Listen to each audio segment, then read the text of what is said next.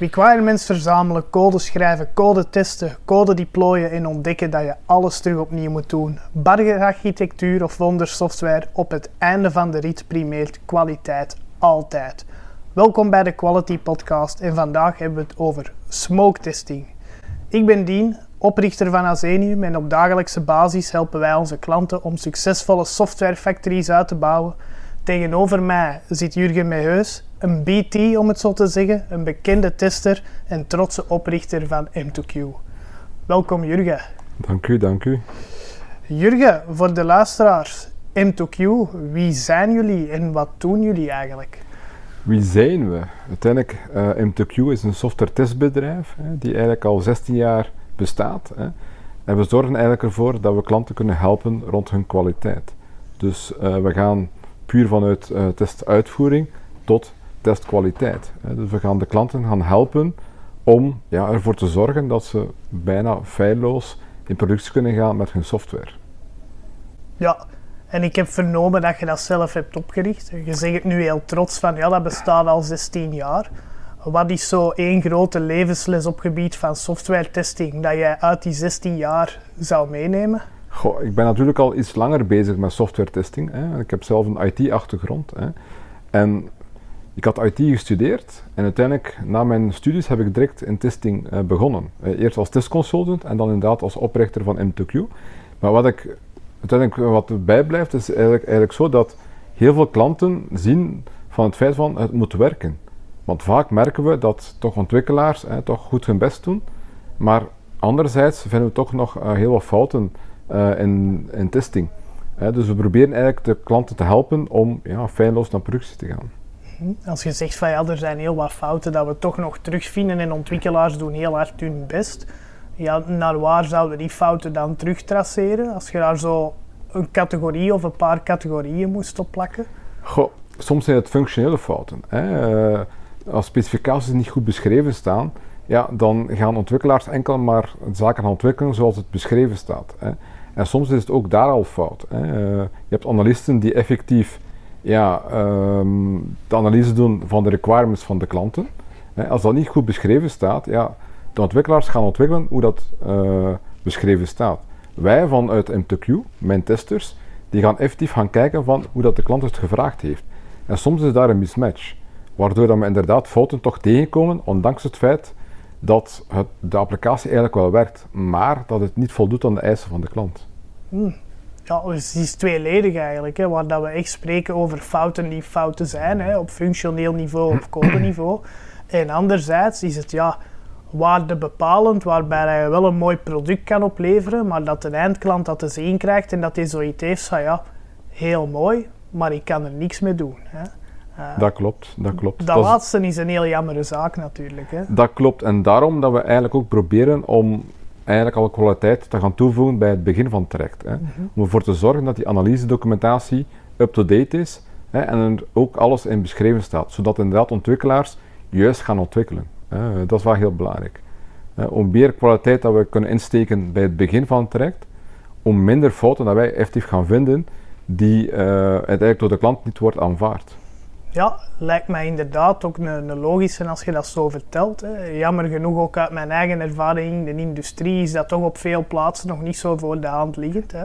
Binnen die context gingen we het natuurlijk hebben over smoke testing. Dus enerzijds, wat is dat beestje, smoke testing juist? En anderzijds, binnen die twee categorieën dat je juist zei, functionele fouten of waardebepalingsfouten, waar categoriseert zich dat? Hè? Wat gaat dat tegen wat helpt ons daar? Wat, wat is de meerwaarde daarvan?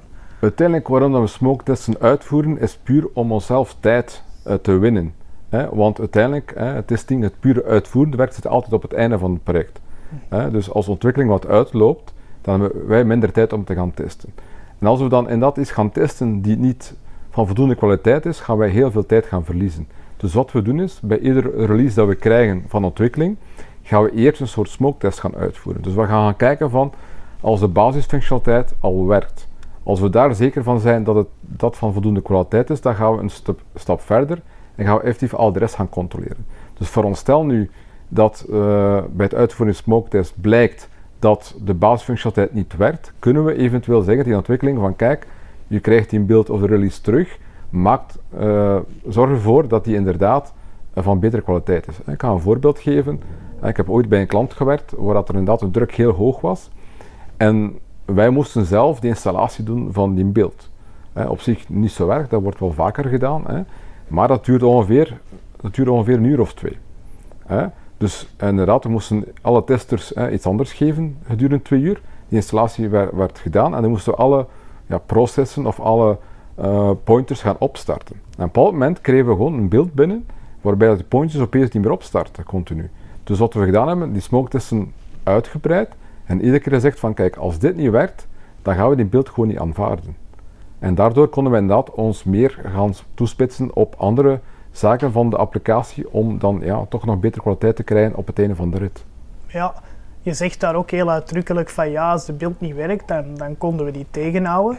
Nu, in de realiteit voel ik dat het soms wat, wat moeilijker ligt om, om testers. Hè. Je hebt ook heel veel consultants bij M2Q die op dagdagelijkse mhm. basis bij grote bedrijven werken. Mhm. Ehm, in hoeverre krijgen die autonomie om, om beelds tegen te houden en hoe belangrijk is dat eigenlijk? Wel, uiteindelijk in de testfase kunnen we dat beeld tegenhouden, omdat we dan uiteindelijk toch nog andere zaken kunnen doen in het verfijnen van onze kwaliteit, hè, van testscenario's. Natuurlijk, een beeld tegenhouden naar productie, dat is een ander verhaal. Wat wij meestal doen is enkel advies geven, op basis van onze testen die we hebben uitgevoerd. Dus we gaan eigenlijk gewoon een soort foto nemen van de kwaliteit en dan aankaarten bij de stakeholders van kijk, mocht je vandaag naar productie gaan, dan zijn dat de fouten die je misschien zou hebben in productie. Uiteindelijk, als wij zeggen van advies is niet not oké, okay, dan kunnen ze daar een gevolg aan geven en zeggen oké, we gaan wat meer tijd spenderen om die fouten eruit te halen en een betere kwaliteit te garanderen om naar productie te gaan. Anderzijds, ja, soms zijn er andere belangen mee bemoeid, waardoor dat men toch zegt van oké, we gaan toch live. Hè. Maar dan hebben wij toch aangegeven van kijk, pas op, als je die paden gaat bewandelen, waardoor, hè, waardoor je toch wat fouten kan ontdekken in productie. Duidelijk. Je zegt in sommige situaties beslissen ze hè, van ja, we gaan toch live. Hè. Ik neem aan dat smoke testing daar dan ook een rol in speelt, omdat je ook ja, na die deploy toch op die omgeving gaat testen, denk ik, of alles businesskritisch werkt. In hoeveel op de tien gevallen worden er nog ernstige zaken ontdekt door smoke testing te gaan doen? Of is dat preventief dat we te werk gaan? Of lopen we met smoke testing een beetje na de feiten, zal ik maar zeggen? Uiteindelijk is dat tweeledig. Hè. Vooral dat we naar productie gaan, dan probeer ik ook altijd een smoke test uit te voeren op productie. Hè. Zeker als het gaat over een website of een, een, applicatie die door heel veel mensen worden, worden gebruikt. Hè. Meestal uh, worden, gaan we iets in productie plaatsen hè, in de avond of s'nachts of in het weekend wanneer dat er minder volk is die effectief die applicatie gaat gebruiken. Maar na de productieinstelling gaan we ook nog eens kijken met die smoke test van werkende basisfunctionaliteiten. Dus ik vind het persoonlijk heel belangrijk dat we altijd zo'n smoke test uitvoeren, ook in productie. Als we dan inderdaad fouten tegenkomen, dan kunnen we nog altijd eventueel terugdraaien en de oude versie terugzetten. Dus ik vind het heel belangrijk dat we dat continu blijven doen. Dus dat wil zeggen dat bij heel veel klanten, zeker als we naar productie gaan, er toch nog ergens een test gebeurt in productie om te kijken als, als alles blijft werken. Dus dat wil zeggen dat ja, zes of zeven op de tien klanten dat toch wel doen. Als wij natuurlijk uh, aanwezig zijn. Oké, duidelijk. Hè. Als jullie aanwezig zijn natuurlijk. Hè. Je zegt zelf smoke testing voornamelijk een meerwaarde in productie. Nu, ik was onlangs in gesprek met een CEO van een, uh, een redelijk grote software factory, zal ik maar zeggen. Hè. We gaan hier in de podcast geen namen noemen, hè, want dat, dat zou sluikreclame zijn. Hè. Mhm. Ehm, maar die wist mij te zeggen van ja, wij willen wel meer inzetten op software testing in het algemeen. Hè. Dus smoke testing al dan niet in scope, maar op software testing in het algemeen. Maar wij merken op dat we dat niet verkocht krijgen aan onze klanten. Hè. Dus voor de duidelijkheid van de context, dat is een bedrijf die software bouwen binnen hun eigen teams. En die bouwen die software van op hun eigen locatie voor andere bedrijven en partners uh, wereldwijd. Wat is het advies dat je zou geven aan die CEO om dat toch beter geïncorporeerd te krijgen in organisatie? Want uiteindelijk, ze bekijken het de dag van vandaag als een kost die ze moeten mhm. maken, waar dat ze van hun klant geen extra cash voor terugkrijgen. Hè. Dus dat is de moeilijke en dat is ook iets, ik zit er nu zelf 14 jaar in. Dat is ook iets dat, dat ik merk dat wel speelt bij heel veel software factories. Dus, dus hoe, hoe pakken we dat aan? Want eigenlijk zeggen ze, je kunt bij ons een auto kopen, maar als je wilt dat de remmen getest zijn, moet je bijbetalen. Ja. Ja? ja, dat is een goed statement, maar wij merken dat ook. Hè. Bij heel veel klanten merken we dat inderdaad testing nog altijd wordt aanzien als iets extra's en niet echt nodig. Hè. Maar om op, op uw vraag terug te keren, is zo dat we toch proberen in kaart te brengen wat de risico's zijn. we gaan proberen in te schatten van, kijk, veronderstel dat dat niet zou werken, wat is het gevolg of wat is het risico daarvan? Dus hoe hoger het risico is, hoe beter dat moet getest worden. En dan moet in dat testing wel mee opgenomen worden. Hè? Want zolang er niks gebeurt in productie, ja, is er geen vuiltje aan de lucht. Hè? Maar het is wanneer er effectief iets gebeurt in productie, hè? en sommige leveranciers worden dan verantwoordelijk gesteld. Hè? Als je zegt van uh, je auto hè, met die remmen, ja, ik ga ervan uit als ik een auto koop, dat die remmen ook getest zijn.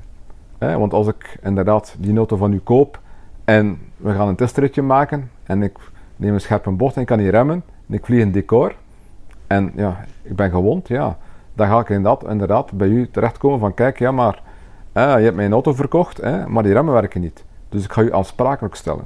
Dus er zijn toch wel bedrijven die uh, zullen zeggen van kijk, we zullen toch wel een extra laag testing uh, toevoegen om dat risico te gaan beperken. Want anders heb je schadeclaims af en toe, afhankelijk van het type van software. Ja, die schadeclaims neem ik dan aan dat eigenlijk back-to-back -back worden getransfereerd vanuit de klant op het bedrijf dat de software maakt uiteindelijk. Dus eigenlijk zeg je van het is dat softwarebedrijf in je eigen voordeel om meer vertrouwen te krijgen ja, in je eigen marchandise. Ten eerste, en om daarna niet in problemen te zitten. En zit hem daar dan de kostenbesparing? Zijnde van ja, als je een legale strijd moet beginnen met de partij waarvoor je software ontwikkelt, dat dat heel veel geld kost? Of spreken we ook over misschien iets minder tastbare schade van reputatie van de klant, uw eigen reputatie en, en, en dergelijke. Wat, wat moet daar primeren, vind je? Goh, ik denk dat beide moet primeren. Ik denk sowieso, als je goede software gaat opleveren, dan ga je sowieso mond-to-mond reclame krijgen. Je business gaat tevreden zijn, en waardoor de business dan opnieuw zaken gaat vragen aan jullie om te laten ontwikkelen. Als je inderdaad heel slecht software als leverancier gaat opleveren, er zijn tien in dozijn bedrijven die software kunnen opleveren. Dus als jij niet content bent, uh, tevreden bent van die softwareleverancier, dan kun je bij de volgende vraag zeggen van oké, we gaan een andere leverancier gaan contacteren. Dus uiteindelijk ja, moet je ook zorgen dat je eigen business als leverancier zijnde uh, er kan voor zorgen dat je happy customers hebt. Want happy customers, die keren meestal wel terug bij je. Dus dat vind ik wel heel belangrijk. Ja, exact. Over die happy customers gesproken, dat brengt mij eigenlijk naadloos tot het volgende topic. Ik had ergens gelezen uh, dat ze tegenwoordig bezig zijn met synthetic monitoring. En dat is eigenlijk het automatisch draaien van smoke tests in een productieapplicatie mm continu. Mede ook om de kritische businesspaden steeds te blijven aftoetsen, maar ook om te bekijken of dat er effectief soms scenario's die minder reproduceerbaar zijn, zich toch wel frequent voordoen, dat ze die scenario's kunnen bekijken en kunnen oplossen. Hè. Dat, dat wordt geautomatiseerd en ze doen dat ook voor hun eigen controlcenter en om die klant natuurlijk happy te houden dat als er iets mis is, dat die dan niet werkt. Hè. Maar we hebben tegenwoordig een aantal dingen zien verschijnen rond artificial intelligence en machine learning, dat specifiek wordt toegepast om eigenlijk autonoom smoke testen op mhm. jouw eigen applicatie te gaan creëren. Is dat een hele innovatieve vooruitgang, vind je? Of is dat een beetje de doos van Pandora op dit punt? Ik denk dat het wel innovatief is, hè? want de, uiteindelijk wil men sneller en efficiënter naar productie gaan. Hè? Time to market wordt continu, kleiner en kleiner, dus moeten we ergens ja, het menselijk uh, inbreng naar beneden kunnen brengen. Ik zeg niet dat de mensen gaan verdwijnen, totaal niet, want uiteindelijk moet je toch allemaal alles gaan opzetten. Maar als je sneller en efficiënter kunt gaan werken met mindere foutmarge, machine learning, uiteindelijk, wat gaat het doen? Je gaat het systeem gewoon continu smarter maken. Oké, je moet heel veel inputdata wel voorzien, maar door dat continu te gaan leren, ga je ook die processen, in plaats van dat je het zelf gaat leren, gaat de machine dat gaan, beter gaan interpreteren. Dus je foutmarge gaat sowieso lager zijn. Ik kan niet zeggen dat het volledig gaat uitsluiten, Maar gaat sneller en efficiënter kunnen naar productie gaan. Of toch je testen beter kunnen gaan organiseren. Sneller en efficiënter naar productie gaan, dus geen doos van Pandora. hè? Mhm. Eh, leuk om te horen. Wat, wat zouden uit uw ervaring nu de tips zijn? Hè? Als er bedrijven zeggen van, goh, ik, eh, ik merk misschien dat we aan software testing in het algemeen tekort hebben, of, of aan smoke testing in het algemeen tekort hebben. Hè? Wat zou uw, uw top drie tips zijn om daarmee te starten? Goh, eerst en vooral moet je gaan kijken naar het proces, het testingproces. Hè. Dat is Mhm. heel belangrijk dat je eerst gaat kijken naar je testingproces van wat hebben we op vandaag. Hè. Want hoe loopt het op vandaag en waar wil je naartoe? En dat is heel belangrijk. Dus die gap moet je proberen dicht te rijden. Hè. Als je dat hebt eh, bekeken, hè, van kijk, dat is het proces dat ik zou willen doen, kun je dat gaan implementeren uiteindelijk. Hè. En daarnaast kun je dan gebruik maken van tooling, hè, afhankelijk van welke applicatie dat je gaat bouwen. Hè. Het zij manueel, zij geautomatiseerd gaan testen, om daar een optimale eh, flow in te krijgen, hè, kun je inderdaad beroep doen op verschillende tools. Dus uiteindelijk moet je gewoon voor zorgen dat je kwaliteit gewoon gaat verhogen door ja, een aantal zaken te gaan implementeren, waardoor je sneller en efficiënter naar productie kan gaan. Want uiteindelijk, hè, als je agile werkt bijvoorbeeld, hè, heb je sprints of twee tot vier weken. Uiteindelijk moet je dan hè, als tester mee in die cadans kunnen lopen. Hè. En dat kan enkel maar door een optimaal testproces te hebben. Hè, Als dat niet optimaal verloopt, ja, dan kun je nog duizend tools gaan implementeren, dat gaat nooit werken. Mhm. Ja, volledig mee akkoord. Hè. Maar dat verhaal dat klinkt mij een relatief haalbaar verhaal voor grotere organisaties. Hè. Ehm, Er zijn een aantal mensen die ik ken die zich in het start-up milieu mee, mee situeren. Ja, hoe beginnen die mensen daaraan? Hè? Want een start-up heeft vaak een beperkt team, één of twee man. En die zijn heel hard gefocust op, ik moet mijn product naar de markt krijgen. En als je daar nog maar begint over de lichtste vorm van software testing, want smoke testing is gewoon om te kijken of dat Ja. in productie alles werkt, dan rollen die hun ogen nogal heel diep naar achter in hun hoofd vaak. Hè? Zeker bij die oprichter, omdat die zoiets hebben. Eén, daar hebben wij geen tijd voor. Ik heb het te druk met overal te gaan pitchen en investeringen op te halen. Hè? Hun A-ronde, hun B-ronde, C-ronde en zo verder. En anderzijds eh, zit dat vaak ook niet in die cultuur ingebakken. Hè? Eh, Mhm. Je ziet daar vaak dat dat heel kleine development teams zijn die gefocust zijn op letterlijk features uitpersen tegen 100 per uur. Mhm. Eh, om de snelste te zijn in hun markt vaak. Hè? Eh, om veel waarde snel bij een gebruiker eh, te leveren. Hè? Om hun gebruikersbase zo snel mogelijk te doen groeien. Want hoe meer gebruikers dat ze hebben, hoe beter dat hun case wordt voor hun volgende investeerder. Hè? En hopelijk hangt daar dan ook omzet aan. Ja. Dat is een ander probleem bij startups. Maar hoe vind je dat die mensen dat praktisch zouden moeten aanpakken? Want je spreekt over processen en automatisatie. Is dat niet zwaar voor zo'n bedrijf? Ja. Als wij binnenkomen hè, bij een bedrijf, is dat een start-up of een multinational, dan gaan we gaan kijken van oké, wat willen ze doen met software testing. Dus we gaan eigenlijk op maat iets gaan maken voor eh, eh, het, het bedrijf uiteindelijk. We gaan kijken van oké, wat willen jullie doen met, uw applicatie? Hè? Hoe, hoe wil je het in de markt brengen? Hè? Want natuurlijk, ja, testing en testing is twee. Je hebt kleine applicaties hè, waarbij er weinig testing voor nodig is. Als een, zeg maar iets, eh, een website is dat je gaat lanceren, een statische website, ja, daar hoef je niet veel testing aan te doen. Het eerste dat je moet controleren, eh, zijn de teksten eh, oké of niet oké. Maar heb je een, een meer gesofisticeerde applicatie, ja, dan moet je inderdaad wel gaan zien naar de functionaliteiten die het meest zullen gebruikt worden door uw klanten of potentiële klanten. Hè. En daar kun je wel op gaan focussen om te zeggen van kijk, we gaan de meest kritische uh, functionaliteiten sowieso uh, onderwerpen aan een test. En dat kan lightweight zijn of uh, heavyweight zijn, dat is een beetje afhankelijk van tot waar ze willen gaan, tot waar dat hun kwaliteit wilt reiken. Hè. En dan kun je zo op die manier ook je klanten wel overtuigen van kijk, er zit voldoende kwaliteit in, in mijn software. Wanneer is het ideale moment om met smoke testing te beginnen? Eigenlijk vanaf, ja, vanaf dat je een stuk applicatie hebt, hè, je moet daar niet meer wachten. Zodra er iets wordt opgeleverd door ontwikkeling, hè, kun je inderdaad altijd een smoke test doen. Hè, want uiteindelijk, je ziet altijd dat wij tijd tekort krijgen als testingteam. Hè, dus hoe, beter dat we, hoe eerder we kunnen feedback geven aan uw ontwikkelaars, hoe beter dat ook is. Hè? Want hoe sneller dat we kunnen zeggen van kijk, het werkt niet of het werkt wel, hoe sneller dat ook kan evolueren naar de klant toe van kijk, we kunnen toch op tijd gaan opleveren. Ja, je spreekt nu daar ook over van ja, hè, ehm, dan kunnen we informatie doorgeven aan de ontwikkelaars. Wat als een team er niet voor open staat om nog een extra persoon erbij te trekken, hè, is dat iets dat de ontwikkelaars ook voor hun rekening kunnen nemen? Zijn er mechanismes die zij in hun dagelijks werk kunnen inbouwen dat kan gelden als een rudimentaire smoketest? Wat zou je daar zeggen uit je ervaring dat, dat jij hebt gezien de voorbije 16 jaar? Goh, uiteindelijk, hè, daar spreek ik dan meer over hè, een buzzword binnen testing, unit testing. Hè.